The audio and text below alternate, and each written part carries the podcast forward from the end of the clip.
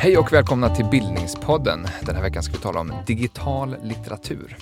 Jag heter Magnus Brömmer, sitter här i studion på Stockholms universitet och har med mig två gäster som är experter på ämnet. Eh, ni får presentera er själva. Ja, eh, jag heter Jesper Olsson och disputerade i litteraturvetenskap här vid Stockholms universitet en gång i tiden, för tio år sedan ungefär. Och är numera verksam som forskare och lektor vid Linköpings universitet i språk och kultur med inriktning mot litteratur och mediehistoria. Jag heter Cecilia Lindé och jag disputerade på en avhandling om Kerstin Ekmans författarskap 2008 vid Uppsala universitet. Numera är jag verksam som föreståndare för Centrum för digital humaniora vid Göteborgs universitet. Varmt välkomna. Tack. Tack. Författaren Kerstin Ekman känner de flesta lyssnare till, men att hon utöver att skriva romaner också har programmerat ett litterärt spel, det är nog eh, en nyhet för många. Cecilia, vill du berätta mer om det här Ja. spelet? Ja, det är väldigt spännande alltihopa. Rymdresa publicerades 91, 1991 och det lanserades då, precis som du sa, som ett litterärt dataprogram. Det beskrevs som en litterär och essä och antologi i ett medium som de flesta unga människor skulle vara intresserade av.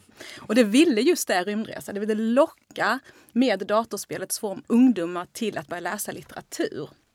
Alltså visa unga att unga människors intresse för science fiction, för datorspel, har förbindelser bakåt i tiden. Alltså ett samband då med tidigare litterära genrer och historia. Och hon programmerade det här spelet, Kerstin Ekman. Hur kom det sig att hon började programmera? Ja, hon, det har det, på flera ställen har jag sett intervjuer och så att hon har beskrivit det som att hon hemma för sin familj gjorde små spel eh, och att hon kallade dem för mina små spel eller mina roliga spel eller så. Och sen har hon också beskrivit i en intervju att på vägen när hon pendlade mellan Östersund och Stockholm när hon satt i akademin så började hon programmera. Hon satt och lekte med sin dator. Så så började det. Den programmerande akademiledamoten. Ja, Mm. precis. Du har det framför dig här också. Mm. Vi har det i en liten röd plastlåda och eh, massa disketter i. Mm. Vill du säga någonting om hur, vad, vad spelet går ut på? Hur det är utformat? Så? För att kunna spela spelet så måste man ha läst en roman av den polske författaren Stanislav Lem som heter Segraren. Och En science fiction En science roman. fiction-roman, ja. Och eh, för att ta sig vidare i spelet så måste man ha läst den här romanen men man måste också slå i uppslagsverk. Så det handlar om alltså att, att söka, sig, söka kunskap och information i andra sammanhang än just i datorspelet. Man måste ut från datorspelets värld och söka informationen i skönlitteratur och i uppslagsverk. Är det någon slags litterärt bildande syfte Ja, det är det. spelet? Det är det, det, är det verkligen. Mm. Skulle du kalla det för ett litterärt verk rent av? Nej, jag ska nog inte kalla det för ett litterärt verk utan ehm, Snarare är det en kombination av essä och uppslagsverk, en typ av antologi. Eh, ett frågespel med kopplingar till litteraturhistoria. Men formen har ju litterära drag, skulle man kunna säga. Så att det finns, det är väl både och. Så. Mm. Att man åtminstone blir en läsare på flera sätt? Det blir man. Spelet. Hon har uppenbarligen programmerat fler eh, spel då, i, Mm. åtminstone i ett privat sammanhang. Men eh, Mm. finns det fler liksom, litterära, digitala verk? Ja, det finns det. Men vad man ska komma ihåg när det gäller Kerstin Ekmans författarskap det är att hon är en författare som aldrig har varit främmande för att skriva prova andra medier än den tryckta texten. Under 1950-talet så arbetade hon som manusförfattare på Artfilm. Eh, ett filmbolag som bland annat fick rättigheterna till de första Astrid Lindgren-filmerna och till den här Oscarsvinnaren Kon-Tiki 1950. Och hennes arbete där med film resulterade i en uppmärksammad dokumentärfilm om svenska enhetsskolan som heter School in Sweden. Som hon? Som, som hon producerade. Producerade, Ja. mm. Och hon producerade också historiska kortfilmer. Och hon gjorde tillsammans med Olle Hellbom en film om Gustav II Adolf, Kungens Karoliner och Gustav Vasa. Eh, så att hon har hela tiden rört sig liksom mellan olika typer av medier och över olika typer av liksom mediala uttryck skulle man kunna säga. Men sen har hon också skapat en databas, svårt att knyta till din fråga om det här med det digitala. Eh, en databas om bygden Hotagen. Och den fanns inledningsvis bara tillgänglig i lanthandeln i den här byn. I Jämtland? I Jämtland, ja. Hon själv bodde där? Ja, hon bodde där under en lång period. Eh, Men sedan 2006 så finns den här Hotagens minne på internet. En, en webbsida som man kan gå in och söka information om bygdens historia och få information också om hur, vad man kan göra som turist i bygden. Och allt det här då är kopplat till litterära citat förstås. Mm. Vi, vi måste försöka sätta det här i ett, i ett sammanhang. Jesper, hur vanligt är det med programmerande författare?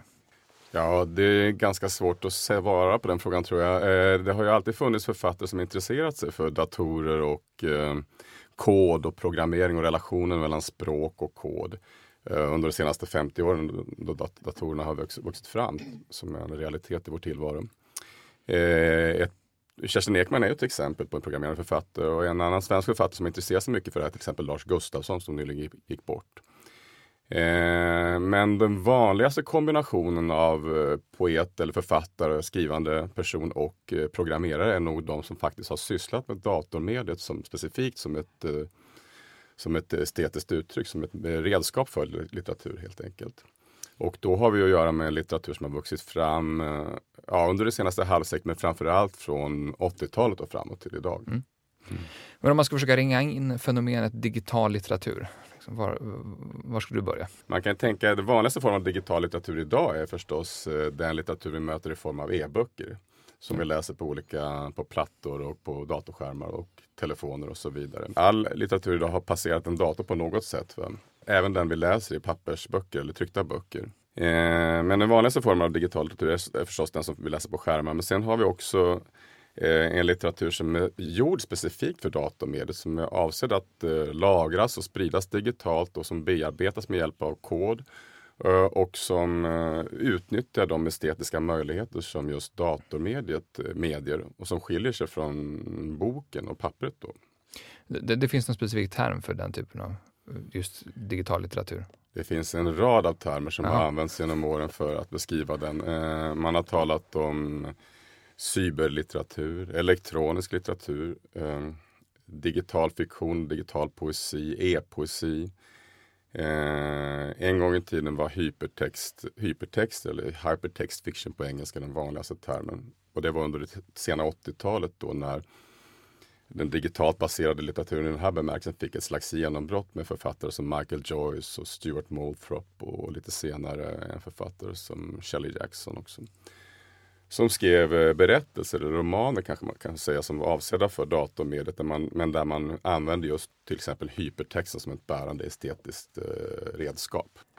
Cecilia, vill du kort bara förklara vad hypertext är för något? Ja, det myntades av eh, sociologen Ted Nelson och är egentligen en text som inte är sekventiell. Alltså att man kan själv välja den ordningen man vill läsa den i. Så att man klickar på olika ord så hamnar man i andra, i andra sammanhang. Så i viss mening skulle man kunna säga att en, en, en text med fotnoter som hänvisar till andra sidor i en bok också är en hypertext för att man rör sig mellan olika sammanhang. Men det är främst förstås förknippat med den liksom elektroniska användningen eller digitala användningen av hypertext. Ja, varje webbsida är idag egentligen en typ av hypertext ja, med länkar till olika ja. andra texter eller sidor. Eh, men, men en roman som är hypertextuell, hur menar man då? Ja, ett bra exempel är den argentinske författaren Julio Cortázars eh, roman eh, Hoppa hage. Mm. Som man kan läsa på olika sätt. Man, man, den, man behöver inte läsa den linjärt helt enkelt utan det finns också en, ett antal förslag i romanen. Man kan läsa den i olika, olika ordningar helt enkelt. Eh, och det därmed har vi en slags hypertextuell eh, funktion i den här romanen. Ett annat bra exempel eh, är den franske författaren Raymond Queneaus eh, 100 miljarder dikter som går att kombinera på lite olika sätt. Man kan hoppa just, eh, och han har, ha, löst det på ett genialt sätt genom att klippa upp boksidan. Så att man kan eh, eh, ordna med pappersremsorna på olika sätt och, och, forma sina egna dikter kan man säga. Också där, där kan man finna en slags hypertextuell logik i, i, i, det här litterära verket som är alltså ett tryckt verk, ett pappersbaserat litterärt verk. Men är det här, är det här digital litteratur före vår digitala tidsålder?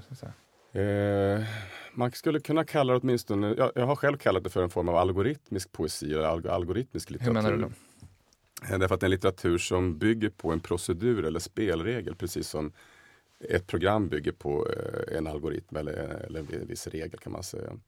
Eh, och det här är egentligen något man kan spåra väldigt långt tillbaka i historien. Man kan fråga sig om inte all eh, litteratur i någon mening, åtminstone den som är skriven på bund, den poesi som är skriven på bunden vers som går tillbaka till antiken, är algoritmisk då eftersom den eh, bygger på att man följer en, en regler eller en uppsättning instruktioner för hur man skapar en dikt. Eh, den tyske medievetaren Cornelia Wissman har också pekat på hur, hur tät relationen är från början mellan att skriva och räkna i vår kultur. Mm, de första skrifterna eh, i vår kultur bygger på beräkningar, kalkyler eller, eller affärstransaktioner. Så det finns liksom från början en väldigt tät förbindelse mellan räknandet och läsandet och skrivandet. Men eh, om man ska välja det spåret då, den här typen av digitala eller vad man nu vill kalla algoritmiska drag i, i analog litteratur. Då, vilka är de viktigaste föregångarna till den digitala litteraturen före det digitala? Så att säga? Går det att säga det? Ja, man kan peka, det ska man peka på just den typen av regelstyrd litteratur som jag nämnde. Och det har, då har vi nästan all poesi fram till eh, 1900-talet som bygger på bunden vers i någon mening. Så det finns ett sådant inslag i den i alla fall. Eh, men sen finns, har det alltid under vissa epoker funnits en formellt mer raffinerad litteratur som har mer, eh, bygger på mer raffinerade regler av det här slaget. Man kan peka på permutationsdikter under barocken till exempel. Vad kort om vad det är för någonting? En permutation är en matematisk term för hur man har en viss uppsättning element, till exempel en viss uppsättning ord som man varierar på olika sätt, repeterar och varierar på olika sätt på ett uttömmande sätt. Om man till exempel har tre ord så kan man variera dem på sex olika, i sex olika mm. ordningar eller sex olika sätt. Eh, och den typen av eh, manieristiska lekar har alltid funnits som ett väsentligt inslag i litteraturens historia, men som har gått lite, gått lite upp och ner. Gått och kommit kan man säga. Eh, men sen kan man också se att det finns en viktig föregångare till dagens digitala litteratur, den som har blomstrat under de senaste decennierna, är också eh, den litteratur som under tiden under 1900-talet har varit teknologiintresserad, som varit intresserad av att eh, utforska bokens och tryckets gränser genom att röra sig mot radiomediet, eh, eh, ljudteknologin i stort bandspelare, eh, film inte minst har varit väldigt viktig. Innan så att säga datorn blev ett potentiellt mm. redskap att, att ta, ta steget ut ur boken då, som, som litteraturens hemvist. Så kan man säga att eh, elektronisk litteratur, vad ska kalla det, är en slags förstadie där? Liksom. Ja, det finns alltså en protodigital eller protoelektronisk litteratur skulle vi kanske kunna mm. kalla det. För, alltså före den? Ja, mm. det kan man säga precis. Sen så är det så att den mm, digitala litteraturen i snävare mening faktiskt har en över mer än 50-årig historia nu. De första programmerade dikterna eh, där man använde en dator för att skapa poesi från 1959 och gjordes av eh, den tyske poeten och matematikern och informationsforskaren Theo Lutz vid Stuttgarts universitet eh, 1959. Där han skrev en algoritm som, eh, som utförde, skapade poesi utifrån en databas av ord som han hade hämtat från Kafkas roman Slottet som var mm. själva eh, ja, ordförrådet som han använde sig av. Det. Och sen så kunde den här algoritmen som han skrivit eh, skapa olika typer av dikter utifrån det här språkmaterialet. Mm. Och eh, den här typen av experiment, de här dikterna kom sen att eh, skrivas ut på papper förstås, då, så de var inte avsedda att läsas på en skärm, men de var skapade med hjälp av en dator. Och liknande experiment kom sen eh, ganska regelbundet att utföras under de följande åren, 60-talet igenom. Då. Okej, okay, så Kafka var, var så att säga, ursprunget till den första eh, programmerade dikten. Här har vi Stanislav Lem i Kerstin Ekmans eh, bok. Ska vi säga något mer om hur det är att, att, att spela det här spelet? Som du alltså har ett av de två exemplaren som existerar som jag förstår det. Vad jag vet, jag tror mm. att det är slut på Walters lexikon som distribuerade det här spelet då 91. Eh, och det, finns inte, det förutspåddes att bli faktiskt årets julklapp av Computer Sweden 91. okay. Så det kan ju finnas fler sådana här spel hemma okay. hos folk, men det, det vet jag inte. Eh, men hur, hur är det att spela det här? För ah, du har det, spelat det ju. Jag har spelat det, ja. Det är utmanande, det är mm. svårt och man lär sig väldigt mycket speciellt om astronomi, om rymden, om mm. teknik, cybernetik och om litteratur och historia. Um, men man måste alltså, precis som, uh, som du sa Magnus, man måste ha läst Stanislav Levs ras Segraren. Uh, och svaren på frågorna som man får i spelet skriver man in i textfält. Och man måste stava korrekt för att gå vidare i spelet. Mm. Och som mest kan man få 16 200 poäng. Det är ett ganska omfattande och ganska stort spel. Och man ges flera möjliga vägar genom spelet. Men i praktiken så är de ju begränsade då för man måste svara rätt för att komma vidare. Eh, och svarar man rätt så blinkar en liten vit prick nedre i högra hörnet på bildskärmen. Eh, man kan avbryta spelet och spara och sen gå tillbaka och fortsätta där man var. Är det som en liten stjärna? Eller? Ja, det är som en liten vit, vit ah, okay. prick. Alltså. Mm. Eh, spelet då består av tre nivåer. Segraren, Tomma rymden och världarna. Spelet börjar i segraren och då får man inledande frågor om rymden och om alkemi. Det är lite kul för Ekman intresserat sig mycket för alkemi också så man ser att hennes mm. egna litterära intresse speglas i frågorna som ställs. Eh, och då måste man besvara de här frågorna rätt för att man ska komma vidare till de olika världarna. Svarar man fel så hamnar man i tomma rymden. Och då måste man identifiera en skärmbild att komma tillbaka till spelet. Och man får sju försök på sig innan spelet avslutas. Alltså Karlavagnen eller Stora Björn eller något sånt där? Exakt mm. så. Eh, och ehm, Svarar man fel så får man en bild som ett utdrag ur en litterär text. Till exempel av Erik Lindegren eller Doris Lessing eller H.G. Wells. Så man får sig en liten litterär lektion om man kastas ut ur spelet. Men om man sparar rätt på alla frågorna i den här segraren så öppnar sig världarna helt plötsligt. Fem mm. olika världar. Robotvärlden, en möjlig värld, undergångens värld, stjärnvärlden och rymdvärlden. Och de här olika världarna representerar områden som knyter an till science fiction, utopier, dystopier, astronomi och rymdfärder. Och som jag nämnt flera gånger nu så måste man ha läst segraren väldigt noggrant. Jag fuskade lite när jag skulle spela det här spelet första gången och läste inte den så noggrant men jag fick gå tillbaka och läsa den väldigt, väldigt noggrant. Du fick läsa mycket Erik Lindegren. Och ja, precis, ja. Slutet kom för tidigt säger eh, spelet då om man svarar fel. Läs Stanislav Lems Segraren och försök igen. Så det går inte att fuska i det här spelet. Kan vi bara, vet mm. vi någonting om hennes relation till Segraren? Eh, som uppenbarligen är, borde vara ganska stark? Mm. Nej. Nej ett mysterium. Mm. Spännande. Mm.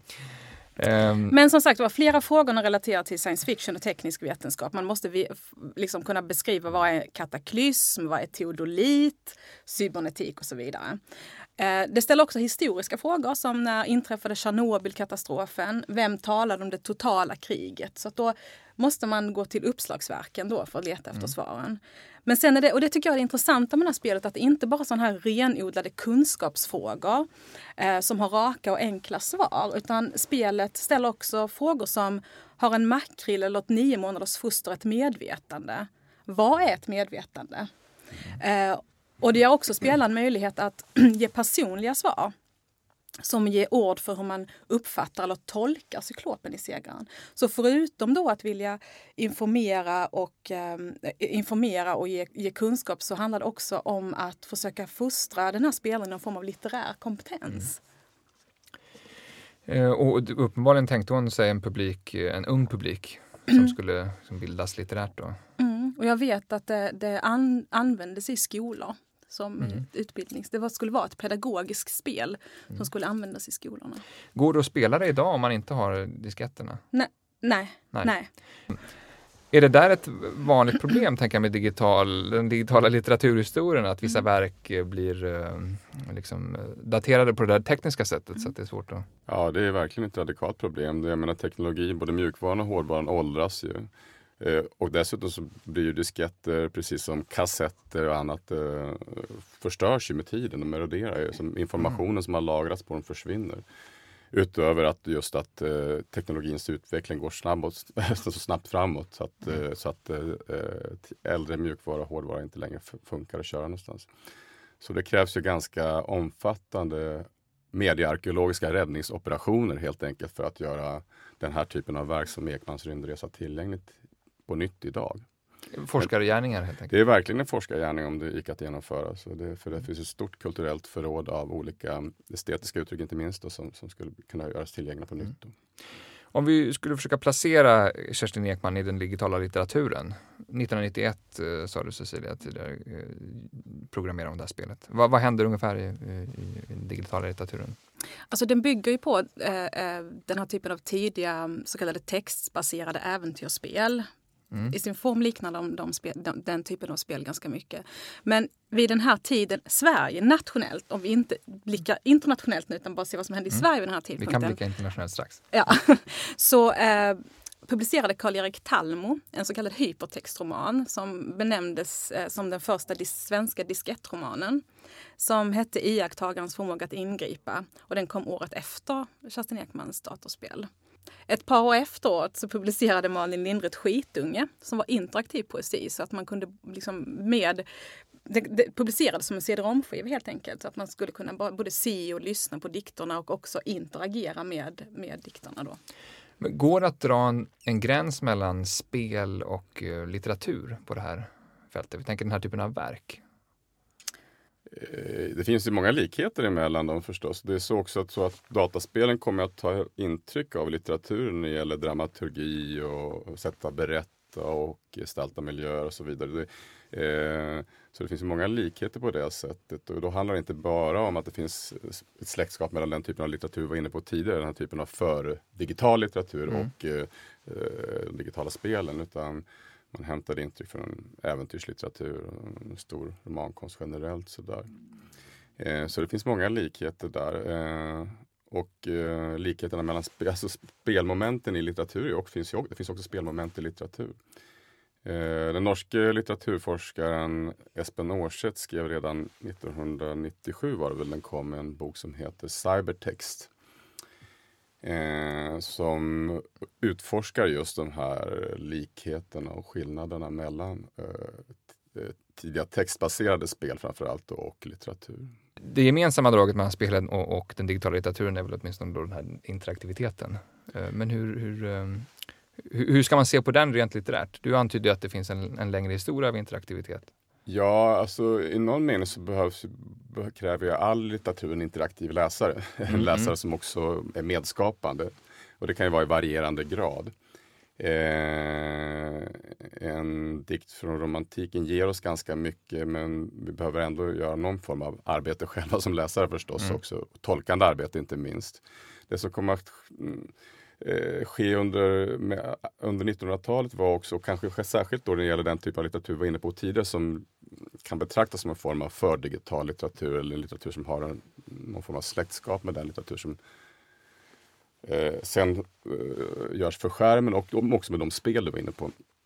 Så är det att man måste göra en tydligare, starkare insats som läsare. Man kanske måste vara, till och med vara med och fysiskt ordna, bestämma vilken ordning dikten ska läsas i till exempel. Och, och så man har en mer formerande eller formativ eh, uppgift som läsare. Och det påminner om också om den spelaren vid datorskärmen då, som spelar ett textspel som måste fatta vissa val och välja en väg genom spelet. så att säga. Det här är något som Morset uppmärksammar i sin bok Cybertext just som en viktig del i det han kallar för cybertexter.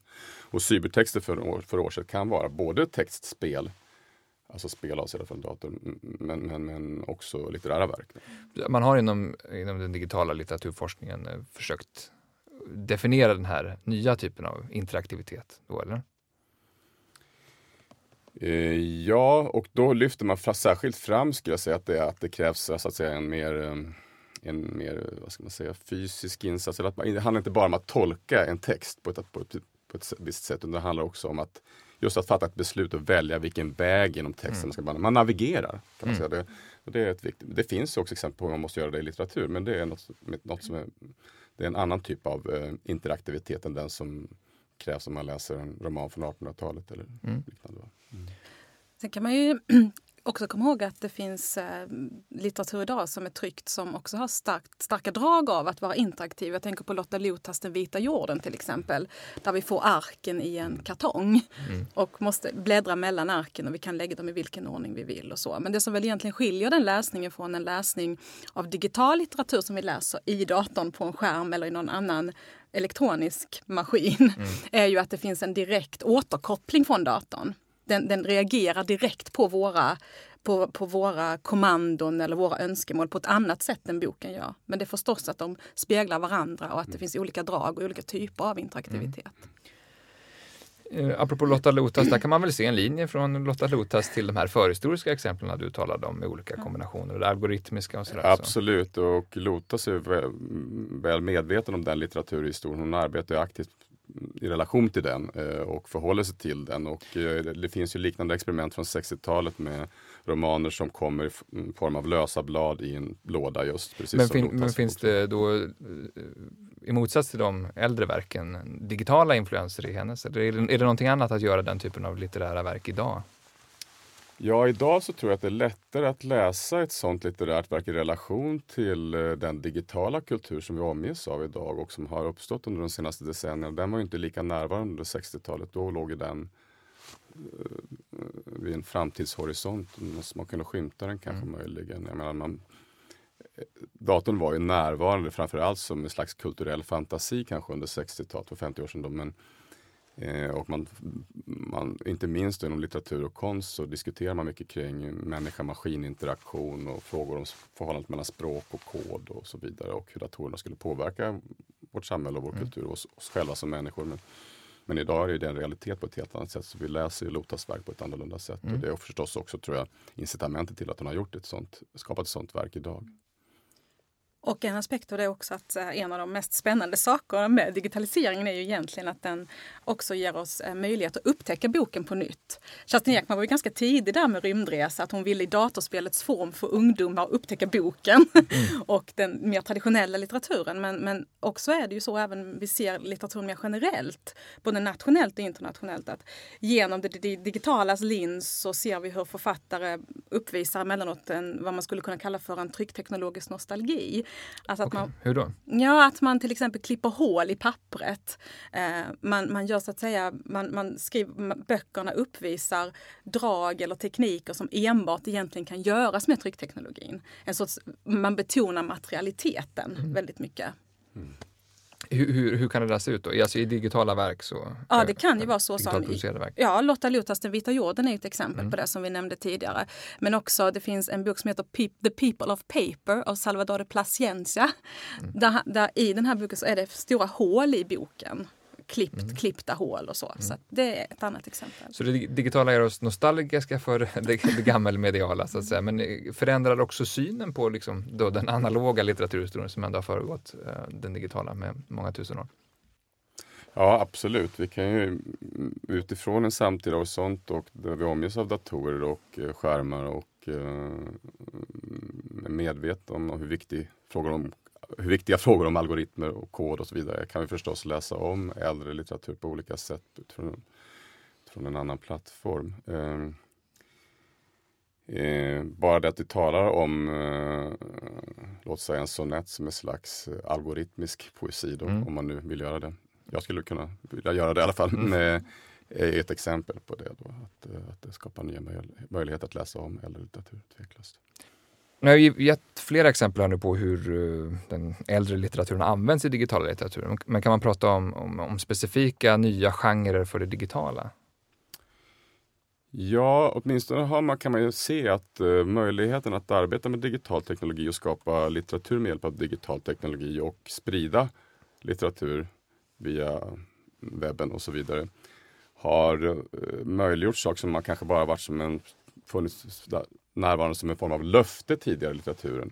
Och då tänker jag inte minst då på eh, olika typer av multimediala eller multimodala uttryck. Att man kombinerar text, eh, bild och ljud i litterära verk. Och det har ju gjorts förut men det har blivit mycket lättare och man kan, registret av uttryck är mycket större med en dator idag förstås. Det kanske är enklaste exemplet att peka på då är att arbeta med rörlig bild i kombination med eh, text och ljud. Och, Eh, och, det pekar ju bakåt förstås mot eh, filmen och videon som, mm. som medier. Och Hur vanligt är det där idag med, med just rörlig bild? I alltså, jag skulle säga att nästan all digital litteratur idag som är avsedd för datormediet för, mm. att, att, för att spridas och läsas eh, på skärm eh, arbetar med det multimodalt på det sättet att man använder sig av både bild och rörlig bild och ljud och text i olika slags mm. kombinationer. Mm. Och det där har man ju försökt med inom eh, litteraturen tidigare, inom, inte minst inom avantgardet under 1900-talet försökte man skapa texter som rörde sig, såg ut att röra sig på mm. boksidan. Vi kan tänka på futuristen Marinettis eh, poesi till exempel, eller en amerikansk avantgardist som Bob, poeten Bob Brown som 1930 föreställde sig vad han kallade för readis, som var en slags motsvarighet till movies då, alltså, eh, och som skulle läsas på mikrofilm. Alltså, eh, poesi framförallt och så skulle läsa på mikrofilm. Så man, och man, och, och skulle just vara någon slags eh, suggererade rörelse på något sätt? Ja, precis. Man skulle läsa snabbare, man skulle kunna läsa mm. hast, en annan läshastighet och mot, en annan form av mottagande av litteratur helt enkelt. Och under 60-talet åter kommer det här med, under nya avantgardet under efterkrigstiden då med, med, med, olika typer av konkret och visuell poesi till exempel som, som också vill skapa illusionen av rörelse på boksidan. Mm. Men det här har förstås blivit möjligt på ett helt annat sätt med, med digital hjälp. Då. Och man kan också se att man försöker flytta ut det så att säga från datorns begränsade eh, utrymme och det finns även de senaste åren har man arbetat mycket med att skriva så att säga, digital poesi där hela kroppen aktiveras. Alltså man vill betona det mångsensoriska, det multisensoriska. Eh, ett exempel är ett, ett verk som heter Screen som jag tror ehm, skapades för en tiotal år sedan eller något sånt, vid Brown University. Och det är en så kallad cave Mm. Det är, en grotta. En grotta, ja. Eh, det finns tre väggar i den här och sen golv. Och då går man in där så har man på sig sådana här virtual reality-glasögon och man har en handske på sig. Och i det här rummet då så kan man både lyssna på en dikt, man kan läsa den, kommer upp på väggarna runt omkring en. Helt plötsligt så börjar den här dikten, orden lösgöra sig från väggarna och flyga runt i det här rummet där du står. Så du ska försöka med din handske slå tillbaka orden in i diktens sammanhang. Och till slut så bara faller allt det här tillsammans då. Och då har du fått aktivera hela din kropp. Så att den här typen av platsspecifika verk har också blivit allt vanligare. Och sen förstås också det som Jesper var inne på att, att um, den digitala litteraturen rör sig över olika plattformar. Vi ser att ökad användning av Twitter-poesi och man använder Facebook och så också. Och det tror jag också kommer öka mer i framtiden. Jag tror att ska man spekulera vad som kommer härnäst när det gäller då en form av digital litteratur så tror jag just den typen av eh, eh vad ska man säga, skapandet av ett slags litterära nätverk eller mm, litterära medieekologier där eh, den strikta relationen mellan en författare och en läsare håller på att omfördelas och luckras upp lite grann. Eh, och man kan väl se symptom på det redan tycker jag när man tittar på den litteratur som uppmärksammas mass, massmedialt idag. Där inte det litterära verket i sig är alltid det viktigaste utan snarare, snarare eller lika hög grad allt prat runt omkring. Och det kan gälla allt från författarintervjuer, eh, någon form av recensioner i dagstidningar, eh, spridning på Facebook och, så, och Twitter och så vidare om de här, av information om de här verken. Eh, det är inte bara litteraturen som är digital, det är offentligheten som. Ja, det, precis, och litteraturen från att, från att, vara, alltså, från att fokusera på ett, eller så att säga, förkroppsligas av ett litterärt verk så kanske litteraturen kommer att bli mer av en aktivitet eller en händelse. Eh, och eh, man kan se liksom ja, flera symptom på det skulle jag säga. Dels den här att en traditionell litteratur håller på att luckras upp i ett medialt landskap. Och då talar om bestsellers egentligen också, snackisar, litterära snackisar. Va? Å andra sidan har vi eh, poeter och författare idag som på ett mer medvetet sätt försöker eh, arbeta med, under de villkoren och försöker utforska de mediala villkoren helt enkelt. Att man man, eh, man kanske skriver poesi både för bloggen och, för, och twittrar och man är också verksam i bokform och uppläsningar och så vidare. Så man tänker sig litteraturen i slags termer av en slags miljö eller aktivitet eller händelse snarare än litteraturen som ett objekt som måste eh, träda fram i form av en bok. Kerstin Ekman, eh, har hon programmerat någonting mer efter det här? Vet vi det? Nej, inte vad jag vet. Men däremot så kan man se spår av eh, programmeringskompetensen i hennes skönlitterära verk. Mm, hur då? Eh, till exempel i den fantastiska romanen som jag varmt rekommenderar att läsa, Gör mig levande igen, som kom 1996. En omskrivning av Eivind Jonssons Krilon-trilogi som kom i början av 1940-talet. Eh, och båda, både Jonssons Krilon-trilogi och Ekmans roman är ju ett, ett um, ett försök till att mana till uppror i tider av passivitet och främlingsfientlighet. Så att det är en mycket aktuell roman än idag. Men i den här romanen så har, inte, har den digitala tekniken inte bara en närvaro. Den, den, är väldigt tydligt tematiserad. Alltså den nämns och man lever i ett samtida digitaliserat sam, samhälle. Eh, men även berättartekniskt så kan man spåra influenser från ett sätt att berätta som skulle kunna kallas för digitalt. Det handlar om att eh, huvudpersonerna i romanen rör sig mellan olika världar utan att det markeras. Eh, och eh, även att man gör så att säga hopp i romanen som skulle kunna härledas till ett, ett specifikt digitalt sätt att berätta. Eh, och om man spårar den här utvecklingen i författarskapet så i de tidiga deckarna från slutet av 50-talet och 1960-talet så är fönstret en väldigt vanligt förekommande. Karaktärerna betraktar världen som genom ett fönster eh, och de känner sig väldigt ofta isolerade. Och sen om vi går lite längre fram till en roman som till exempel Händelser vid vatten som kom 1993 så är det filmen som sätter prägel på hela det här det här verket. Och här betraktar gestalterna världen som om den spelades upp på film. Eh, och i Gör mig levande igen då, som kommer 1996 så är det datormediet vi betraktar liksom genom datorns sätt att, att berätta. Så att det finns en förskjutning där i sättet att skriva. När det gäller Gör mig levande igen då från 1996, tror du mm. att hon eh, var liksom influerad av sitt programmerande när hon skrev? Det tror jag. Mm. Kan man säga något generellt om skillnaden i att läsa digital text och, och, och liksom tryckt text? Ja, det rör sig om två helt olika medier faktiskt och två olika gränssnitt inte minst. Och, eh, boken har ju en viss eh, tyngd och en viss eh, taktil känsla, eller ska säga, som, ett, som objekt betraktat. Alltså det finns en, sidorna är lite sträva och det prasslar, man hör ett visst ljud när man läser och bläddrar. Och boken som eh, historisk estetisk kategori har ju också en viss arkitektur. Man arbetar med sidor, man arbetar med kapitel, styckesindelningar och så vidare. Och, Men det eh, där är väl något som, har, som mångt och mycket har, har liksom återanvänds in i det Precis. digitala. Precis, i en digital miljö har ju ofta den här uh, formen och den här arkitekturen remedierats, inte minst när det gäller då mer traditionella e-böcker. Och det, betyder det handlar om att, att naturalisera man... ett nytt medium förstås, att man vill uh, göra datorgränssnittet till något mer bekant vad det gäller läsning och inte minst läsning av skönlitteratur tror jag. Då. Det vill säga att man får den att se ut lite grann på ett, ja, på ett mer bekant man, sätt? Som man brukar säga remedierar boken i en digital miljö så att säga. Eh, men likväl är det ju så att det är något annat att läsa på skärm. Om vi håller en platta i handen så har den en annan tyngd än en bok, den känns på ett annat sätt. Och även om det heter att vi bläddrar så gör vi inte det. Vi stryker med ett finger över en, mm. över en glatt yta.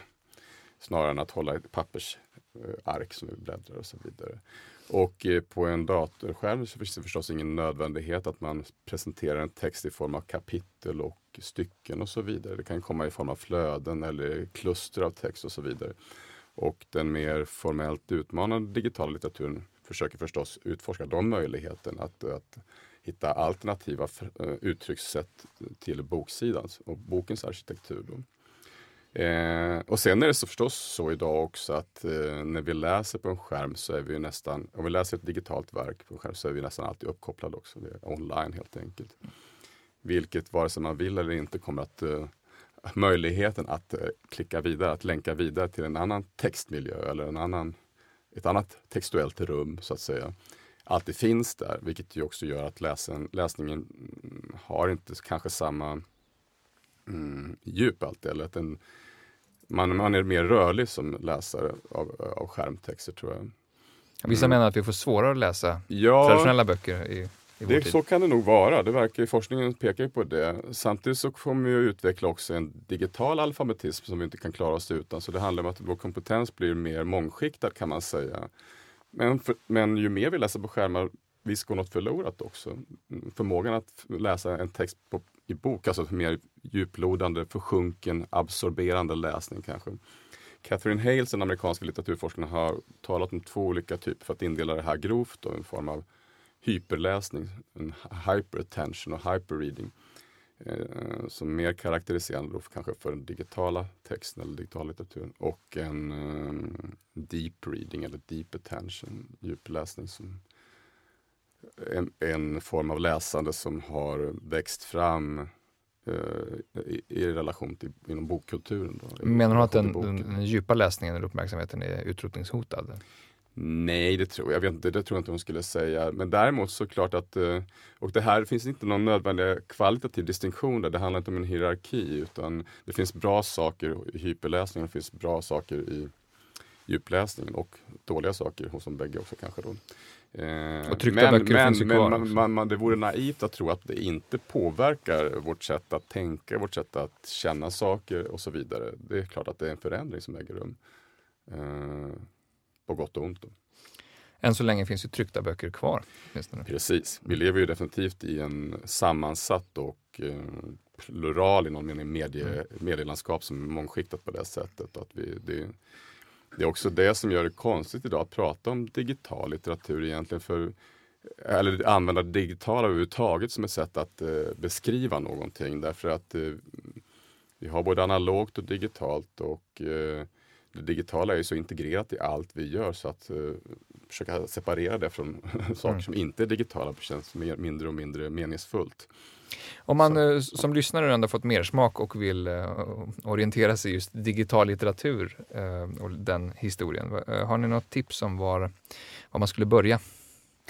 Ja, man kan besöka en webbsida som heter eliterature.org och det är Electronic Literature Organization som har två antologier över digital poesi. Mm. Som är väldigt användbart. Så dit kan man gå om man är intresserad av att läsa mer. Och är det bara samtida verk eller är det över en längre historisk tid? Sådär, eller? Det är över en längre historisk tid. Det är det. Mm. Antologier i klassisk mening sådär som mm. verkligen bra start. Man får ett slags smörgåsbord av alternativ. Mm. Titta på. Jesper, har du några tips? Nej, alltså jag, skulle, jag instämmer med Silla att man borde gå och titta, titta på de här antologierna. Men om jag ska eh, nämna några personliga favoriter, några klassiska digitala verk så skulle jag peka på ett par dikter som jag brukar återvända till.